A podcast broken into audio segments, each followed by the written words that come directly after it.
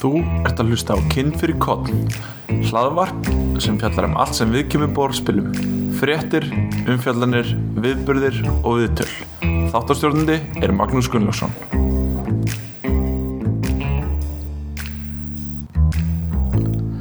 Sæl og veru velkomin í þáttum með tvö af Kinn fyrir kodn. Það liðin þó nokkuð tímið síðan að fyrsti þáttur kom út en ég var ekki alveg búin að ákveða efnustökinn fyrir þennan þátt. Vonandi mun þó ekki að líða jafn langu tími á millir þátt á næsta ári en stefnan er að reyna að gera minnstakosti eitt þátt á mánuði. En ætli ég láti ekki bara það vera nýjarsátti fyrir næsta ár.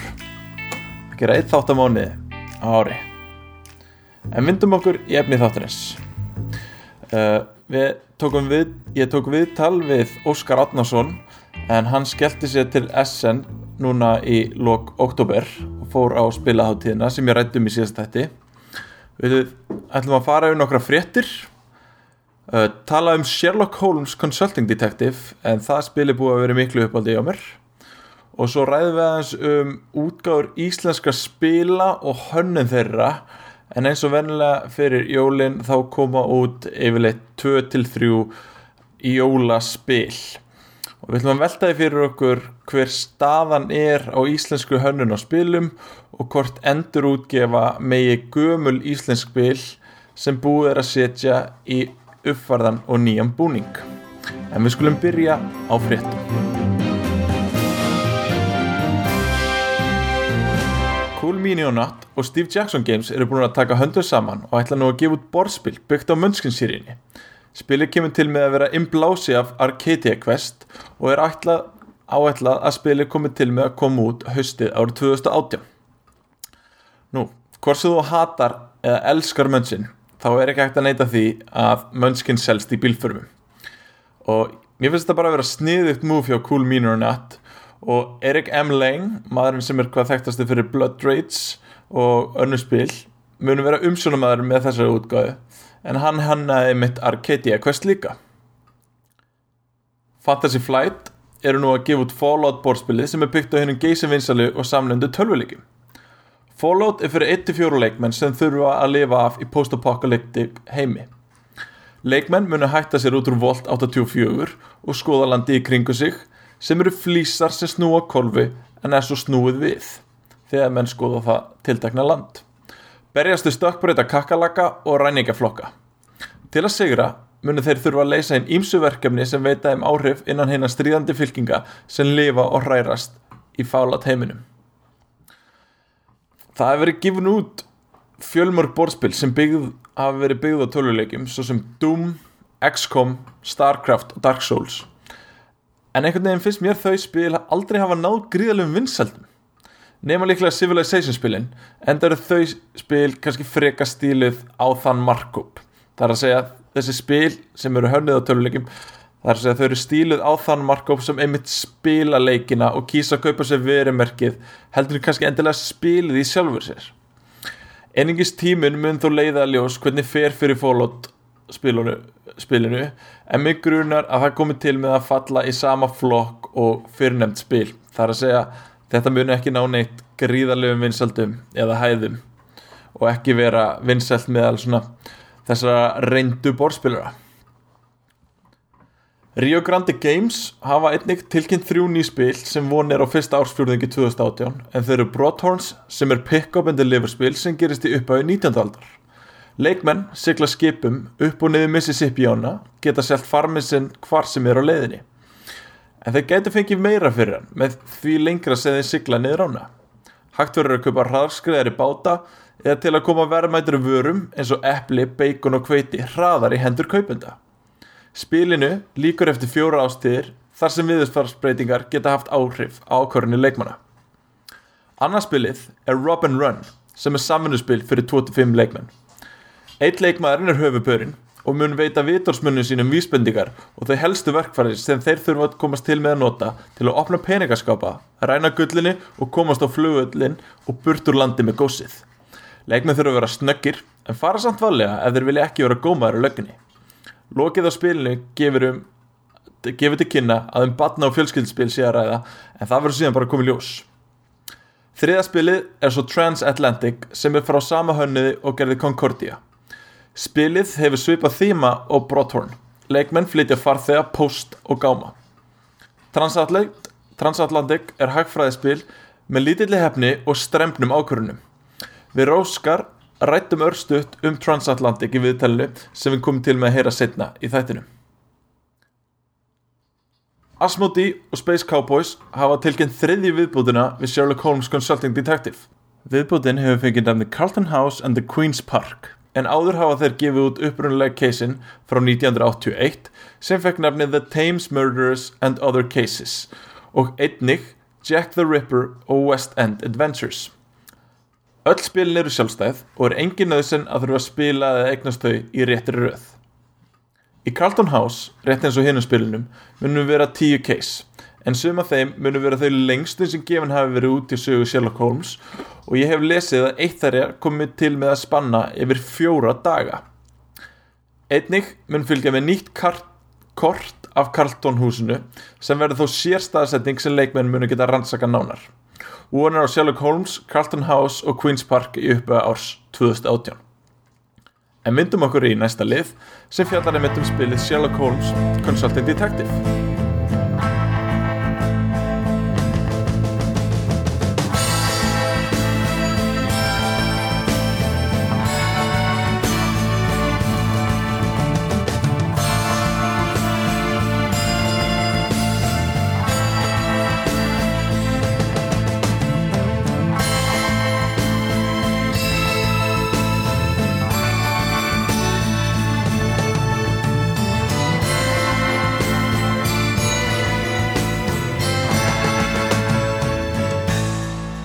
Sherlock Holmes Consulting Detective er spil sem líklega á sér fá að líka. Það mætti ég að byrja segja að þetta sé ekki spil heldur afþring áskurinn í raugrætni hugsun. Sherlock Holmes var fyrst gefið út ára 1981 og við líklega eitt fyrsta samfunnuspili sem gefið var út. Fjórum árið setna, ára 1985, þá vinnur spilið Spíldi Sjaris. Það má því sanni segja að spilið hafi staðist tímanstönn síðan þá þó vissulega hafið þið gengið gegnum nokkuru endur nýjun og endur prentanir. Í spilinu fylgja 12 bæklingar, þar af 10 sakamál, eitt þeirra, þar að segja bæk, eitt bæklingurinn er símaskrá fyrir London, þar sem finnam á 100 heimilisfanga, heimil, heimilisföng, einstaklinga, fyrirtækja, veslana á samt ýmsum öðrum staðsendingum. Svo er það reglubókin sem er örþun, þannig að bækling, 12 bæklingar allt í allt. Auk þess fylgja með tíu dagblað sem öll eru dagsett með sama degi og hvert sakamál. Að lokum er eitt kort af London sem búið að skipta upp í ákveðin svæði og eru allar byggingarna númeraðar.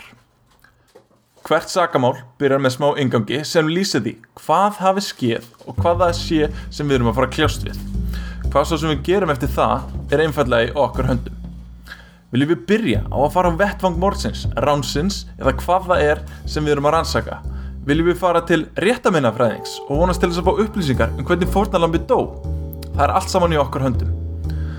Við komum til með að flett upp í símarskráni sem segir okkur hvaða textabúk hva, hvaða textabút í málaskráni við eigum að lesa í vonum að fá fleiri vísbendingar. Við komum til með að skrá samvilega niður allar þær staðsendingar sem við heimsækjum því að það kemur til með að skipta máli í lokin. Þannig höldum við síðan áfram í leita fleiri vísbyndingum, setjum fram kenningar um hver framdi morðið eða hverju var stólið og hvers vegna og reynir þannig að leggja fram kenningu sem stiðst við þær vísbyndingar og gögn sem við höfum safnað saman. Þegar við erum samfærð um að við höfum leist málið þá fyrir við aftalega í málaskrána þar sem við finnum spurningar varandi sakamálið. Hugsanlega munum einhverja spurningar koma okkur á óvart og þá er mjög líklegt að við höfum vilst eitthvað að leið. Vonandi getum við þó svarað flestum með þó nokkru vissu. Ef við höfum svarað spurningunum rétt, skrifum við niður stígin sem við fáum. Því næst flettum við áfram og les, lesum laust Sherlock Holmes. Oftar en ekki mun okkur líða annarkvært þessu algjörum snillingum eða vanhæfum fáutum sem ættum ekki einsinni að reyna að leysa svo mikið sem krosskáti. Því næst berum við saman þær stæðsningar sem Holmes fór á til þess að leysa sagamálið og þær sem við heimsóttum.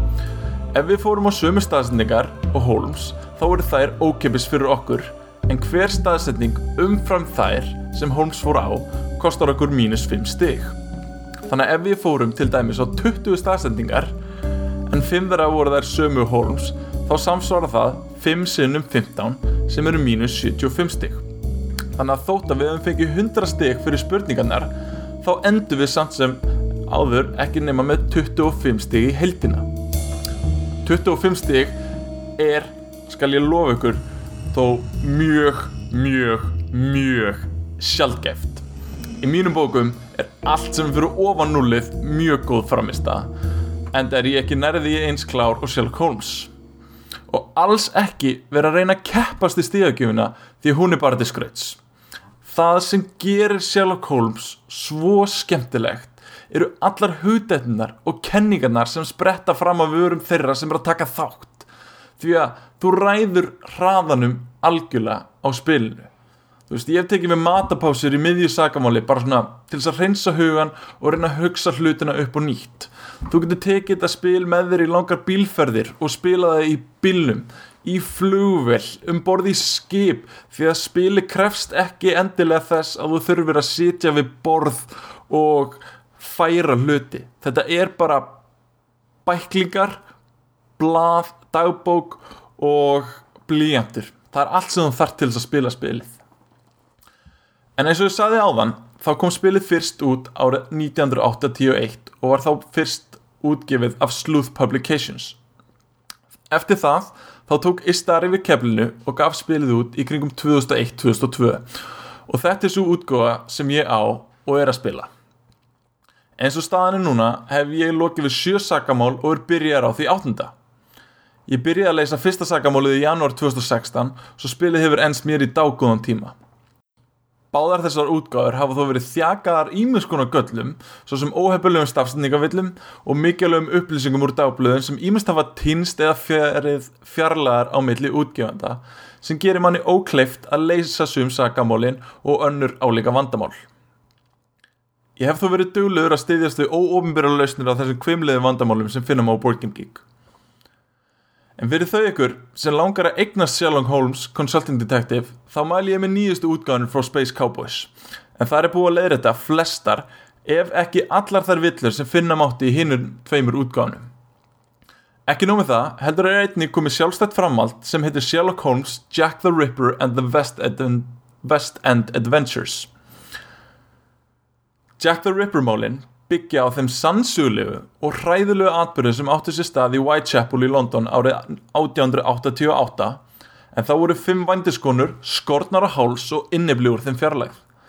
Gríðilega mikil vinna fór ég að skrifa og hanna þessi sakamál og er stöðst við skýrslur þeirra sem voru yfirherðir, krupningsskýrslur og domskjöl sem hafa varðvist frá þessum tíma.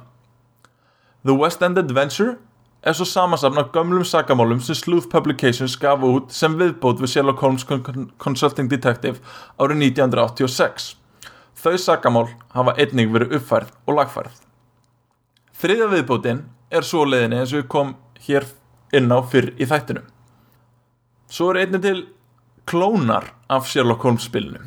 En árið 1985, sama ár og Sherlock Holmes vann spil til Sjaris, kom út spilu Gumshoe Það gerist árið 1934 í San Francisco. Eitt sakamál á dag yfir nýju daga frá 3. til 11. júli 1934. Einingis hafi verið gefnir úr tvær útgöðar og er nær ómögulegt að komast yfir eintak af spilin í dag. Hitt spilið er svo Mythos Tales. Það byrjaði upprunalega sem print and play á Board Game Geek og gekk þá undir nafnu Arkham Investigator. Gefinu voru tvö sakamál og spilin náði þó nokkur í aðtekli. Útgáðu fyrirtækið 8 Summit tók hugmyndina upp á sína harma, fekk hugmyndina tveimur sakamálunum með sér í lið og fór á stað með kickstartistöfnum. Hér er þemað inblásaða skáldsögum H.P. Lovecraft og sviðið er Arkham árið 1930. Eins og með fyrir útgáður af Sherlock, þá er þessi einu útgáð af Mythos Tales ónokkrar villur. Þó lítið mál að finna lagfæringa fyrir slíkt inn á Board Game Geek og ég var búin að leggja þessu verkefni lið á Kickstarter uh, búin að, sérst, ég var búin að hérna, pledja þessu verkefni í lið en svo hætti ég við á síðastu stundu einfallega vegna þess að það voru svona ákveðin lofvort sem að útgjandi var búin að uh, gefa út en mér fannst það svo ekki standa nægilega vel við. Ég hins að sé pínu eftir þessu núna þar sem að ég var í algjörlega til í að eiga eindag af Mythos Tales eftir þá reynslu sem ég er búin að hafa af Sherlock Holmes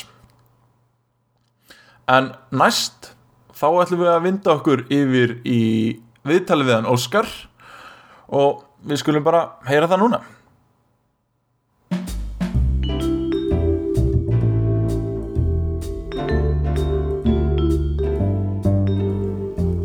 Hjá mér er sestur góðu gestur Óskar Átnason Verður velkomin í þáttinn?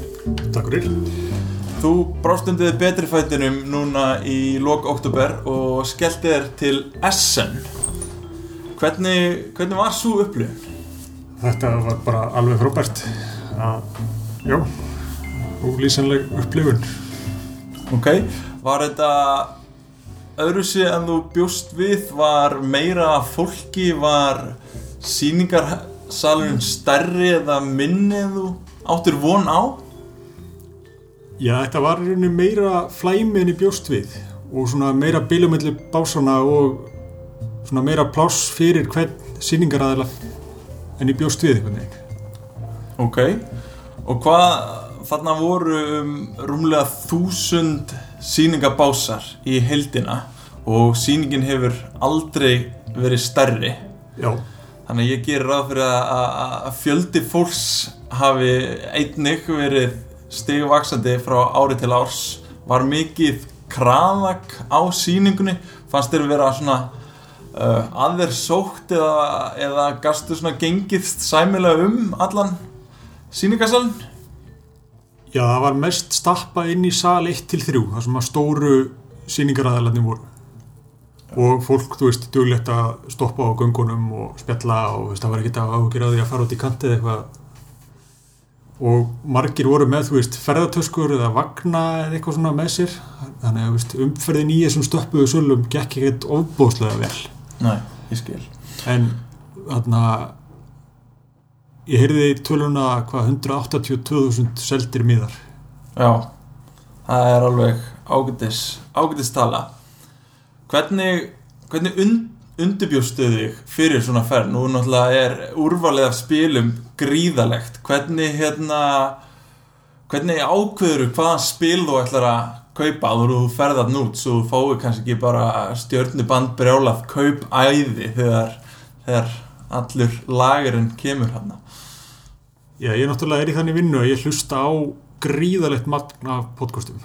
Og svo þar fyrir utan að þá bara hengi inn á Boardgame Geek og fylgist niður spilum. Þannig að ég var búin að búa til bara geeklista úst, sem ég glósaði niður á hvaða spil voru áhugaverð og svona svo þegar nær fór að draga þá þarna fór ég að punkta niður hvort að ég væri líklega til þess að kaupa það ekki og svona bara setti niður svona glósur hvort að ég ætti að taka það fyrir rétt verð eða bara ekki spurning eða hvort ég ætti að forpanta það og svo deginu fyrir áðurinn ég fór út að þá prentaði ég út kort af öllum básunum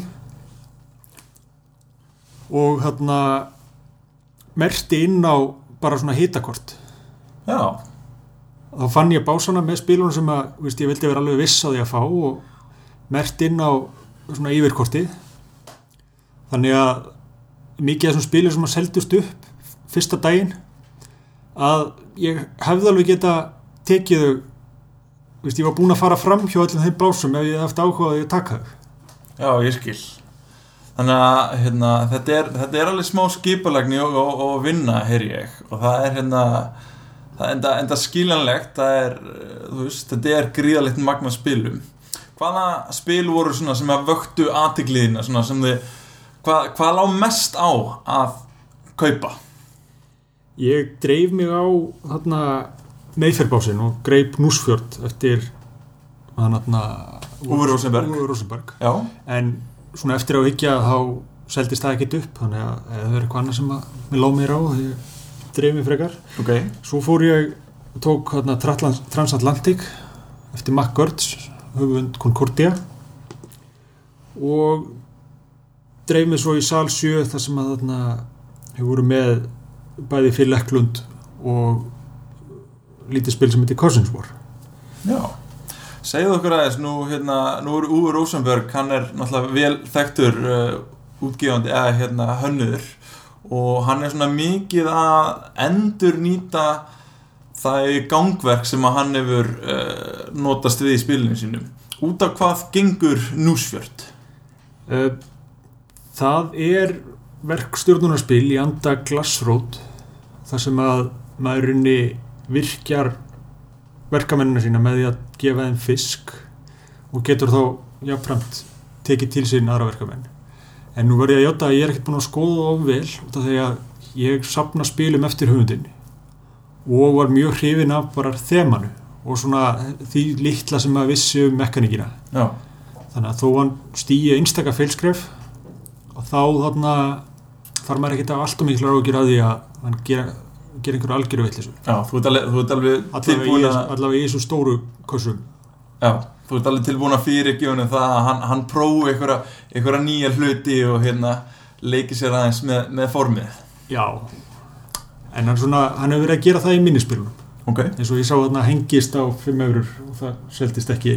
Næ, næ og svo var- ég ekki mjög hrifin af þarna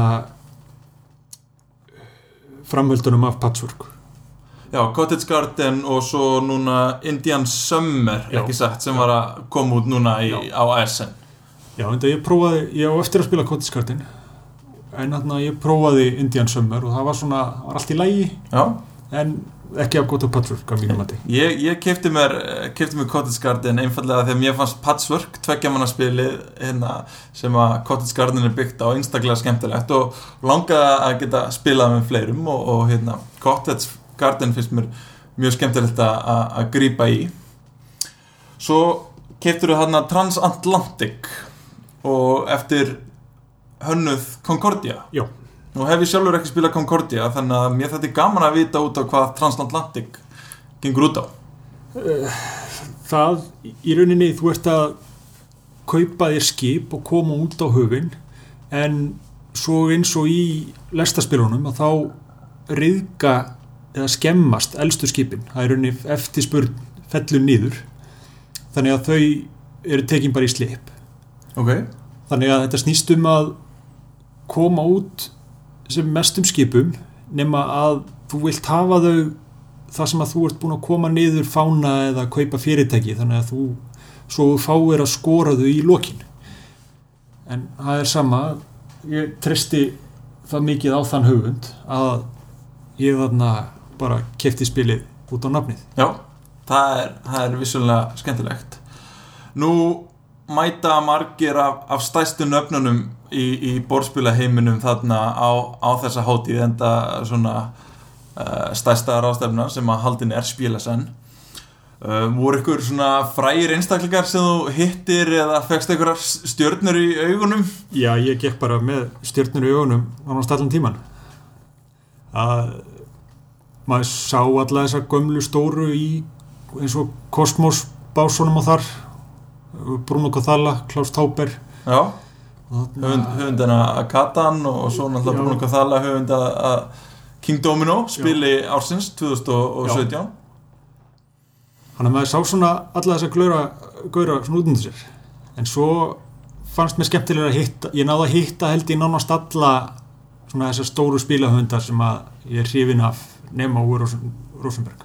Nú nema að ég sá hann ekkert. Nei, þú er ekki, ekki reykist það en, en, en mér skilst uh, að þú hafi svona uh, hérna, að Phil Eklund hann hafi, hérna, hann er nú í miklu uppáldi hjá þér og Já, þú hefur síðan svona lappa fremið þér þú er ekkert, ég settist nýr og talaði við hann. nú, ok Já, já. og hva, hvernig, hvernig var að spjalla við svona sinn einn af sínum uppáhalds spila, spila hönnu Hann, það var bara mjög sérstætt og gaman. Já, Hann er er sem sagt, ég settist, eða ég fórpantaði og kefti mér John Company eftir Cold World sem að er sem sagt gefið út af fyrirtækinu hans Phil Eklund, Sýra Madrid Games.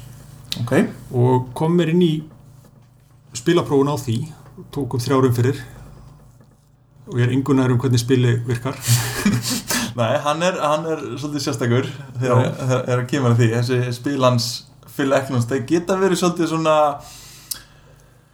ég veit ekki alveg hvað rétt orðið er þeir eru svona reglurnar sem hann skrifar er ekkert alltaf þær skýrustu.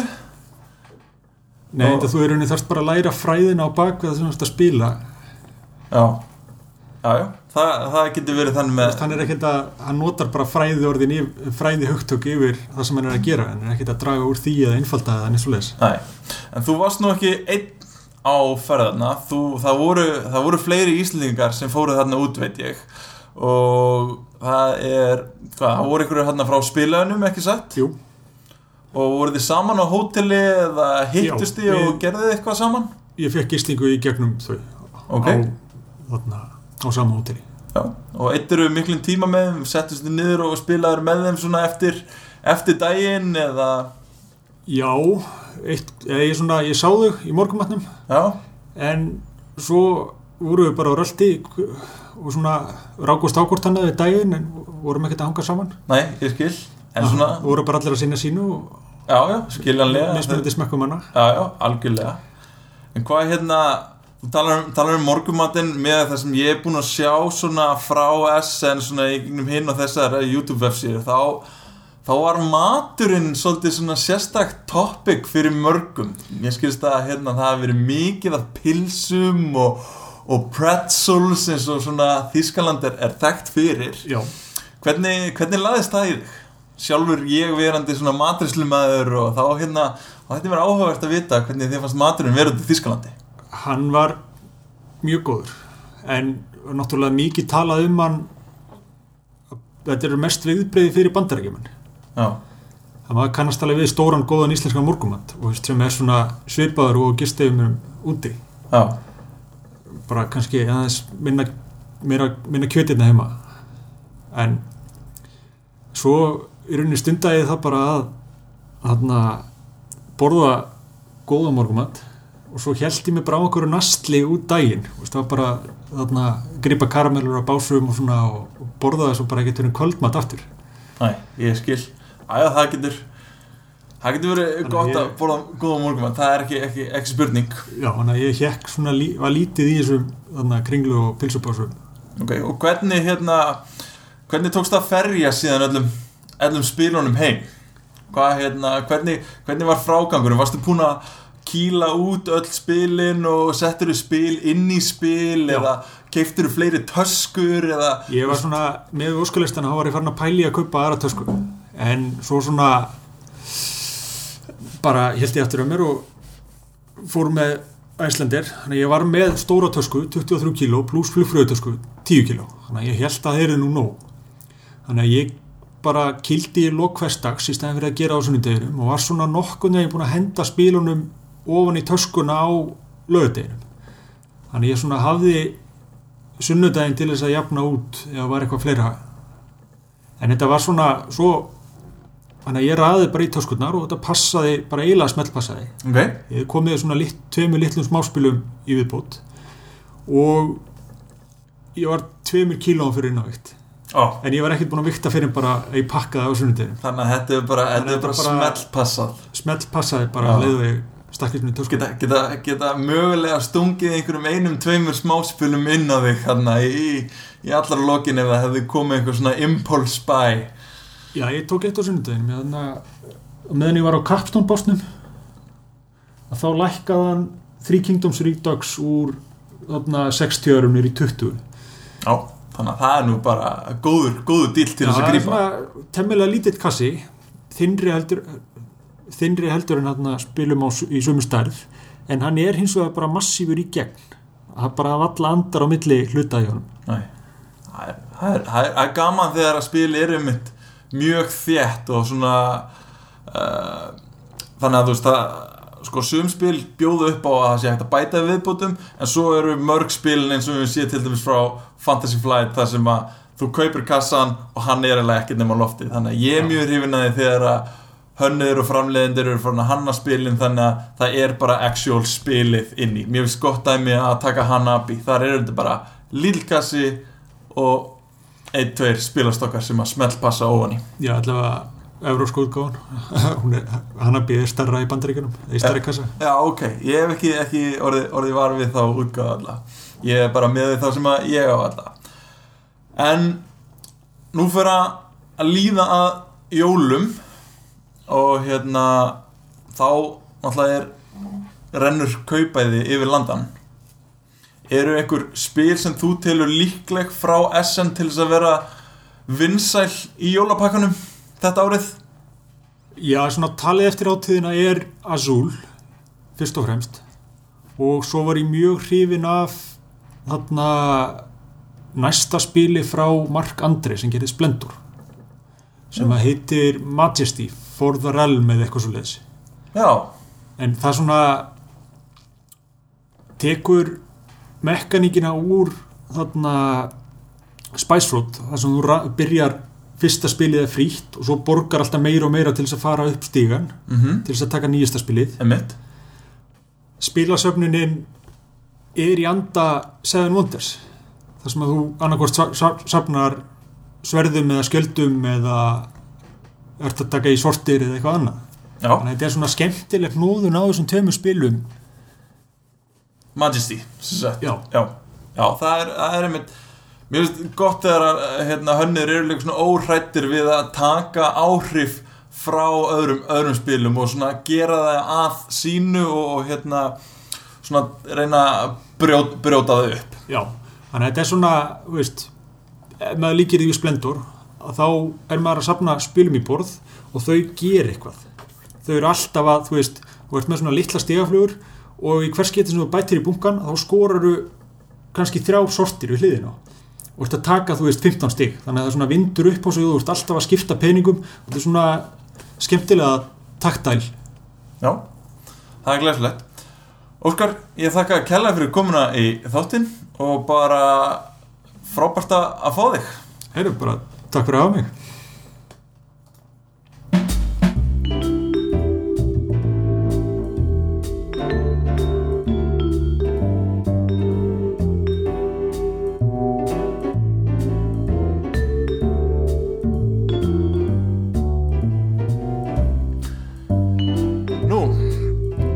og við vitum þá verðist alltaf sem svo að gefinu eru út einhver jólaspill, einhver íslensk spil rétt fyrir jólin. Og eins og alltaf þá verðist þetta að vera spurningaspill og ég held ég geti sagt það með þó nokkur vissu að hlustundum þessa podcast eru ekkert gríðarlega spenntir fyrir spurningaspilum.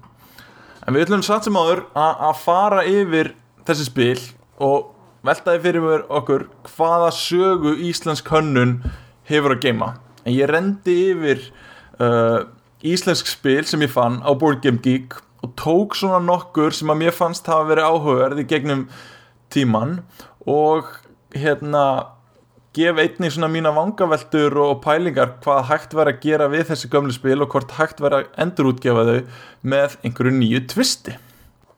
Beint í mark er sagt spurningaspil um fótbolta og er hannað af uh, reitstjórum 433.is og fótbolta.net og einnig kemur hann Jóhann Berg landslistmaður við eh, sögu að hönnun spilsins. Svo er ég veit sem samkvæmt lýsingu mun reyna á þekkingu og ímyndunarafl og hraða spilara. Og til þess að vinna þarf að hitta á orðin sem talin eru upp á spjöldunum og giska rétt á getu annara spilara ég veit ekki alveg hvað hérna þetta spil á að, hérna að fjalla um en þetta virðist einhvers konar að vera samblanda af ég veit ekki uh, actionary og einhverju codenames uh, blöndu. Það verður bara að koma í ljós. Þriðaspilið er svo alvöru skellur þar að segja sjálfstætt framald af spilinu skell sem skartar bakkabræðurunum Gils, Steinda og Utta Blö framan á. Öll þessi spil eiga það sammeilegt að vera kasta tening, færa leikpiðið sitt og svara spurningu eða velja að milli þess hvort þú myndir freka vilja sofa í rollu og enginn vissi af því eða hafa ekki sofa í rollu en allir heldu það hins vegar. Ekki beint besta skemmturinn að mínum að auk þess er útlitið á öllum þessum spilum alveg einstaklega ófrumlegt og hlýtur ég veit þann vafasama heiður að vera einn latasta og ljótasta hönnun sem ég hef á æfinni séð ef marka má myndaði sem finna má inn á heimasíðu, spilaðina stór grásvartur ringur með 44 gráum reytum og 6 leikpöðum sem lúta út eins og fallöksir og einhver örfá ég veðja spil með tölum frá 0 og upp í 8 þessi mynd er ekki að fara að selja eitt einasta eintak af þessu spili og ef þetta er prototýpa ein, ef þetta er prototýpa eintak af hverju í anskotanum er þeir ekki búin að velja sér nýja mynd íslensku trassaskapur eins og hann gerist bestur Reytindir í beint í mark gefa þó minnstakosti til kynna hvers konar spurningu þú átt vona. Bæði skellur og framaldið alvöru skellur eru klálega hugsa sem partíspil og ég efast ekki um að þau komi til með að fá fólk til þess að hlæja og að hennum ymsi spurningum sem uppkoma eða þeim aðgerðum sem fólk þarf að framkoma. Ég skal þó veðja að öll þessi spil verði gríðalega fljótt þreytt og komið til með að gleymast að endanum upp í skáp eða upp í bústað þar sem þau eru dreyin fram við einstaka tækifæri. Og þó íslensk spil innan gæsalappa hafi aldrei verið neitt sérstaklega góð þá voru að minnstakosti nokkur spil sem að skurðið fram úr. Hættuspilið sem vissulega byggði mikið á Monopoly er eina spilið sem ég mann eftir sem leiði leiði þér að gera personið þína betri í einhverju. Hún fekk fleiri heilasellur gátt verið betri í námi, íþróttum eða félagsleiri hefni. Auk þess voru örlaðspjöldin sem voru svona take that mekaník sem að leiður að hafa áhrif á hverjanir annara spilara. Sendur rúndum með sigga síru. Ég held nú síður. Gaf ammaði ljóta peysu. Óöpun. Allir gera grínaðar og þú missir rauða heilaselju. Þið skilir hvað ég er að fara. Askur Yggdrasill og fræknir ferðalangar eru vissulega hlutverkarspil og myndir líklega seint flokka sem jólaspil en þessu tvö eru líklega einhver metnaðafylstu spil sem flokka mættu sem íslensk spil Ævintýraspilið sem að skartaði hérna handbóltagæjanum hvað heitir hann? Vá, það stólu um mér. Ólaður Stefánsson. Uh, þú veist, það er einnig spil að svipuðum toga og, og frækni ferðalangar en er einfallega bara mun einfaldara. Astropíu spilið reyndi þú að minnstakosti að reyna að skera sig úr með smá hlutarkatvisti og var byggt á kvi, samnendri kvipmynd þó spilið hefði ekki verið neitt frábært þá feist mér að samtíða svona kútos og er klálega mínum huga eitt af þeim spilið sem að skara fram úr fyrir að þóra að vera öðruðsi og svo voru bara spurningarnar í, í, hérna, í byrjun sem ákvörðu upp á leikan, eh, leikmanna svona skemmtilega nördalegar og hérna það, það var, var töff. Það, var, það voru auðvitað spurningar til þess að svara. Nú, svo var hérna uppgyrið sem var gefið út skömmu eftir hrunið en það byggði á guillotine. Nema í stað frans heðafólks þá gætt fólk safna hrunverjunum. Þú veist ég er, ég er alveg hlindur svona tvisti svona á öðrum spilum Sama má segja með hverstall kökunni úr krúsinni sem var ábreyða loflettir með fallega myndskrittum íslenskum kökum, kleinum og lögabreyði. En til gammast má geta það og tók ég mitt viðtal við hana Emblu Vikfúsdóttur, grafískan hönnðspilsins og það má finna inn á Nörd Norðursins. Kommentakerfið var svo heldur ekkert að fara í félur með það að vera íslensk útgáð af Cards Against Humanity. En þar var notast við alvöru tilvitnir í því svartóli sem Íslensk kommentargeri kerfi eru á vefsíðum fjölmiðla eins og vísi.is, divaf og pressinni svo dæmis ég tekin. Og þetta finnst mér alveg að vera að minnst okkarsti skemmtileg íslensk spil innan gæsaleppa líka. Þar að segja það eru tekin fræg uh, spil sem að við að mista kosti þekkjum en það er sett svona alvöru íslenskt þema á það og þess vegna leiði ég mér að kalla þetta íslensk spil. Veist, þannig að minnst kosti að vera að vekja aðtikli á öðris í gangverki heldur en bara kasta tenning það er það sem að uppgyrið gerir í sama, þú veist, með því að notast við guillotine, hverstalkökunu og krúsinni með love letter og svo að sjálfsögðu kommentarkerfið með Cards Against Humanity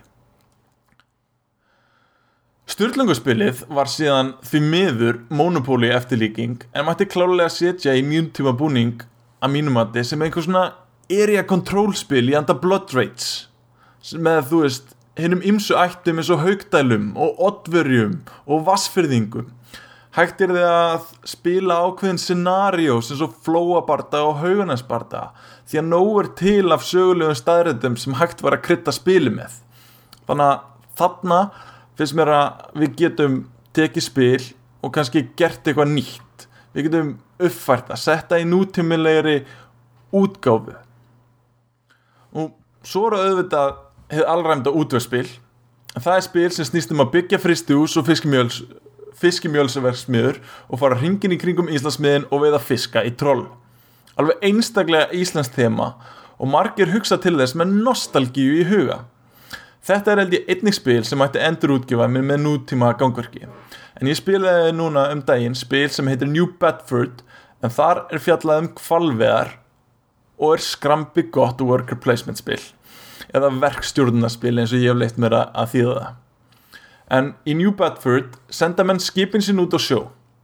Leikmenn draga síðan flýsar og póka sem innildu þrjá mismundi kvali sem hafa mismikið verðmæti auk þess er pókin fullur af flýsum sem tákna vatn og þýða einfallega að leikmenn veitu ekkert. Þessi hugmynd finnst mér að gæti alveg smellpassa við nýja útgáðu af útveðspilinu kvalviði flýsunum er það sjálfsögur skipt út fyrir ísu, þorsk og síl til dæmis. Og ekki nómið það heldur þyrtu leikmenn einni að þurfa að kaupa kvóta áður en sildu út og ef leikmenn myndu veiða umfram kvótan eru þau leikmenn annarkvort að skila flísunum aftur í pókan sem myndi þá tókna brottkast eða hægt var að selja öðru leikmennum umfram afla eða til dæmis að braska með kvótan sinn. Þannig að ég ætla allavega að vonast til þess að við fáum einhver betri jólaspil á næsti árum. Og sem dæmið þá hef ég tekið út af spilið og störlungarspilið sem ég mér finnst að mætti svona lappa þess upp á og, og hérna blása, blása nýju lífi í. En ég kem þó ekki til með að halda niður í mér andanum þar til slikt gerist. Þá hef ég ekki þáttinn lengra í byli ég vonast til að næsti þáttur komin til með að koma fyrr út heldur en þessi. Og við bara heyrum stónandi á næsta ári takk fyrir og verið sæl